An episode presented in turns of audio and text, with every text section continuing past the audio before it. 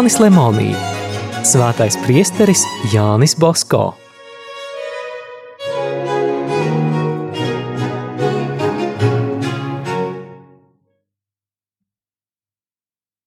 Priestera Bosko dzīve raksta priesteris Albērs. Bija nepārtraukta lūkšana, nepārtraukta vienotība ar Dievu. Par to liecināja viņa līksmā skaidrā nemainīgā noskaņa. Kad vien pie viņa griezās pēc padoma, likās, ka viņš pārtrauc sarunu ar Dievu, lai mūs uzklausītu. Tādos gadījumos viņa padomi bija kā Dieva diktēti. Cik dzirdēju un pats pārliecinājos, liecina priesteris Čerrutī. Jāņa Bosko dzīve sevišķi jau vecumā bija nepārtraukta lūkšana. Bosko vienkāršība un sakopojums lūkšanas laikā saistīja visu cilvēku uzmanību. Ceļos nometies viņš turējās taisni, rokas skaisti salicis uz soliņa vai uz krūtīm, drusku pieliecis galvu, līksmu seju Īsi sakot, viņa izteiksme lūkšanā bija tāda pati, kā sarunājoties ar cilvēkiem, un tādēļ visi, kas viņu redzēja, sajuta vēlēšanos labāk lūgties. No Bosko sejas plūda ticība un dieva mīlestības liesmas atspīdums. Lai labāk Jāni Bosko pazītu, bija jāredz viņu celebrējam svēto misi. Kad viņš devās svinēt misi, Bosko atbildēja sveicinātājiem ar mīļu smaidu. Ļāva noskūpstīt roku, bet nerunāja ne vārda. Šajā brīdī viņš viss bija nogrimis upura apcerē. Ja viņam vajadzēja agri doties ceļā, Bosko saīsināja atpūtas stundu, bet misi svinēja nesteidzoties bez izklaidības. Misei vēlāku laiku viņš veltīja tikai tad, kad ceļojums bija ļoti ilgs – bet tad, tikko sasniedzis ceļojuma mērķi, viņš vispirms iegāja kādā baznīcā, lai svinētu svēto misi. Bija prieks redzēt, kā Basko dievbijīgs un sakopots piegāja pie altāra. Liturģiskās lūkšanas viņš izrunāja skaidri ar dievbijību. Šad tad viņa acīs parādījās asaras. Dažreiz viņš apstājās un brītiņu piemiedzis acis domāja, vai arī varbūt kaut ko redzēja. Pacelšanas laikā viņa seja, visa viņa personība pārvērtās it kā kādā citā būtnē. Ar kādu ticību viņš nometās ceļos pagodināt Jēzu. Nereizi vien pacelšanas laikā cilvēki viņu redzēja paceļamies no zemes dažus sprīžus augstāk un skatoties uz hostiju. It kā tā likās, viņš tajā būtu saskatījis mīļotā Jēzus vaigu. Cik dārga viņam pašam bija svētā mise, tik neatlaidīgi viņš mudināja savējos novērtēt misi, un Salesiāņu kongregācijas regulā viņš ierakstīja: Ik viens labprāt piedalās katru dienu svētajā misē, atcerēdamies svētā Augustīna sacīto. Kas dievbīgi ikdienas piedalās svētajā misē, tas nebīstas dieva tiesas nāves brīdī.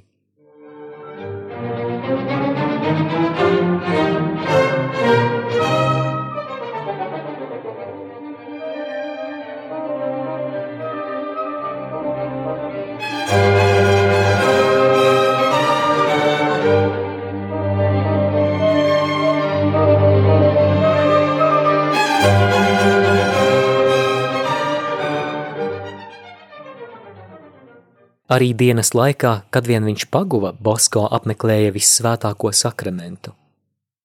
Neņemdams vērā lielo vecumu, satūkušām kājām Jānis Bosko vienmēr lūdzās ceļos nometies. Visiem viņš sacīja: Ja gribat, lai Dievs jums dod daudz žēlastību, apmeklējiet viņu ļoti bieži. Ja gribat, lai viņš dotu jums maz žēlastību, apmeklējiet viņu ļoti reti. Ja gribat, lai dvēseles ienaidnieks jums uzbruktu un kārdinātu, neapmeklējiet visvēto sakramentu vispār. Ja gribat, lai ienaidnieks no jums bēgtu, ejiet bieži pie Jēzus. Ja gribat uzvarēt ļauno, steidzieties bieži pie Jēzus kājām. Ja gribat, lai jūs uzvar, aizmirstiet Jēzu. Mani mīļie, kas meklē Jēzu, tiešām uzvarēs dvēseles ienaidnieku. Tādēļ bieži ejiet apmeklēt Jēzu, un jūs gūsiet uzvaras vainagu. Jānis Bosko Ziemeļitālijā bija pirmais svētās komunijas apustulis. Viņš visus aicināja dzīvot tā, lai ar bikstēva atļauju varētu ikdienas pieņemt svēto komuniju. Viņš pats šo atļauju, kam vien varēja, labprāt piešķīra. Bez tam viņš gribēja, lai bērniem būtu atļauts agri pieņemt svēto komuniju, līdz ko tie sāk atšķirt maizi ar lielo burtu no vienkārša maizes, lai Dievs varētu iegūt bērnu sirsniņas, kamēr tās vēl nesasniedz grēku dūņas. Kad viņš sāka runāt par svētdzīgu komunijas pieņemšanu, zēniem pat asinis sastinga. Ne ar baidīšanu, bet ar mīlestību viņš parādīja šī zemiskā grēka baigumu. Kas mīl Jēzu, nevar nemīlēt viņa māti. Jānis Basko bija solījis mācīt mīlēt jaunavu Mariju, mīlestību pret viņu iedēstīt tik vienā sirdī. Par dievmāmiņu viņš runāja sprediķos, sarunādamies ar zēniem un viesiem. Pats viņš dziedāja un mudināja arī citus dziedāt dziesmas Marijas godam – sevišķi dziedot dziesmu Esam mēs Marijas dēli, viņš līksmoja kā bērns un pacēlis rokas sāk arī diriģēt. Bīskaps Alfosī liecina, cik bieži mēs kopā ar Jāni Bosko dziedājām dziesmas. Viņš tā mācēja iedvest mīlestību uz diamāti, ka reiz kādā svētdienas vakarā nākot no sargaņģeļa oratorijas, viņš uzsāka kādu sirsnīgu dziesmu Marijas godam pašā Turīnas centrā – Emanuēla Filiberto laukumā. Tais laikos uzdziedāt Turīnā, tur vajadzēja diezgan daudz drosmes. Visus savus panākumus priesteris Bosko piedēvēja jaunavai Marijai. Pamācībās un privātās sarunās viņš bieži atkārtoja, ka visi tie darbi, ko paveicis vārgais priesteris Bosko, nesot viņa, bet Marijas darbi. Tās iedvesmoti, iesākti un pabeigti. Cik daudz brīnišķīgu darbu viņš veica Marijai kristīgo palīdzībai aizlūdzot. Viņš, protams, sacīja, ka šajos gadījumos nav nekāda viņa paša nopelna, bet cilvēki tomēr saprata, kā tas ir patiesībā. Ne jau velti turīnieši mēdza saukt Mariju kristīgo palīdzību par La Madonna di Don Bosco, svētā Bosko diamāti.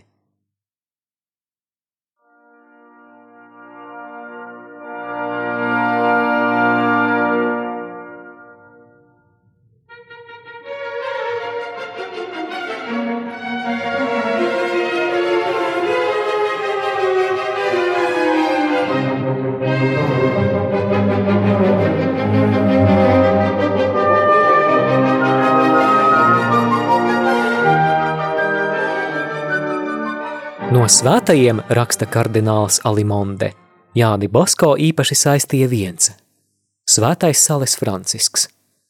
Viņam patika šī svētā tikumi, stingrība, kas bija vienota ar maigumu, prāts ar cildenu līksmi, noteiktība ar lielu lēnprātību, stingra gandere ar ārēju vienkāršību.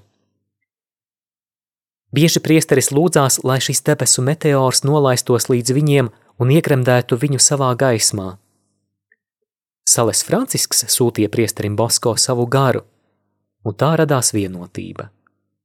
Izcilais jaunatnes audzinātājs kopā ar svēto Sales Francisku pacēlās gara augstumos, ar viņu sakusa, viņā nogrima. Tā nogrima, ka pat jaunās kongregācijas locekļus negribēja saukt savā, bet svētā Ženēvas bīskapa vārdā.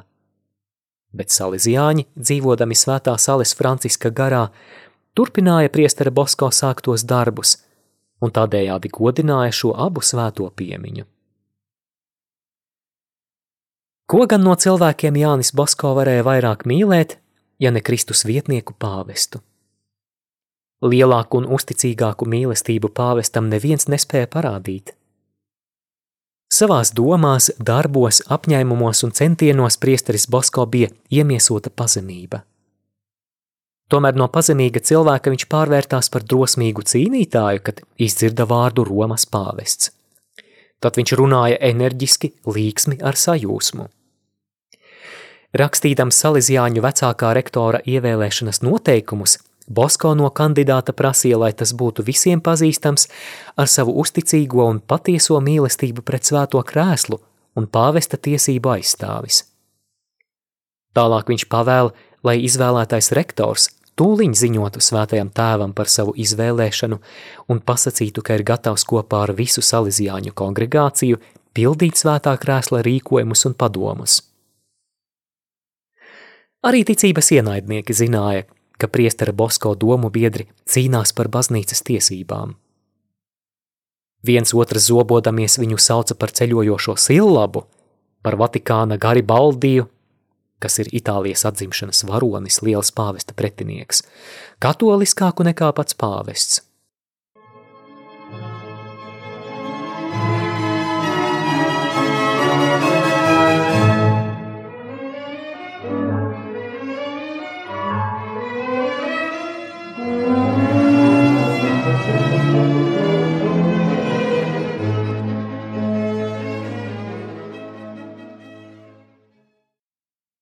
Ja vien Jānim Basko būtu bijis ļauts nobeigt vispārējo baznīcas vēsturi, tad būtu sarakstīts vēl viens sējums. Priesteris Basko būtu mums parādījis pāvestu kā visas pasaules notikumu centru, no kā nākuši kultūras un civilizācijas gaismas stari, raksta bīskaps Kostamaņa. Jāpiebilst, ka Basko šo sējumu jau bija iesācis. Žēl, ka viņam reiz ceļojot pazuda vairāki tā fragmenti tad mums būtu kaut vai labs iesākums. Diemžēl dažādas rūpes un neparedzēti darbi neļāva Jānim Basko šīs studijas sākt no jauna. Visi viņa bijušie audzēkņi, sevišķi priesteri vienprātīgi liecina, ka Basko tos iemācījis mīlēt pāvestu.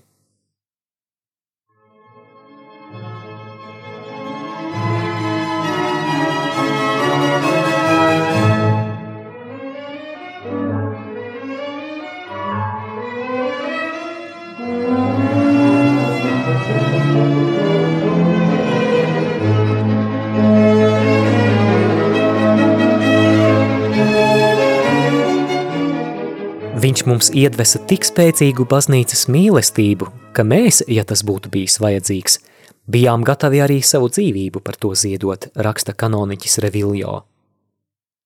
Bīskapus Bosko ļoti cienīja, jo tie ir pāvesta palīgi un dvēseļu gani. Kad vien bija izdevība, viņš tos lūdz apmeklēt oratoriju.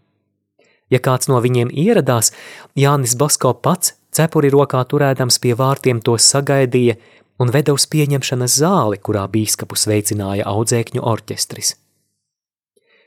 Pēc tam viņš izrādīja oratorijas darbnīcas un klases. Tikai no paša sākuma Jāņa Bosko parauga zēni iemācījās cienīt baznīcas priekšniecību. Ticība Jānim Bosko lika cienīt arī vienkāršus priesterus. Viņa acīs priesteri bija dieva attēls, kuriem pienākas ticīgo paklausība un cieņa. Saviem priesteriem viņš sacīja – Atcerieties, ka Jēzus Kristus jūs sauca par zemes sāli. Raugieties, lai jūsu pestītāja dotais vārds netiktu izsmiets. Centieties izturēties tā, lai ticīgie redzētu jūsu labos darbus un slavētu tēvu, kas ir debesīs. Dieva gods. Tālūk bija Jāņa Bosko parole.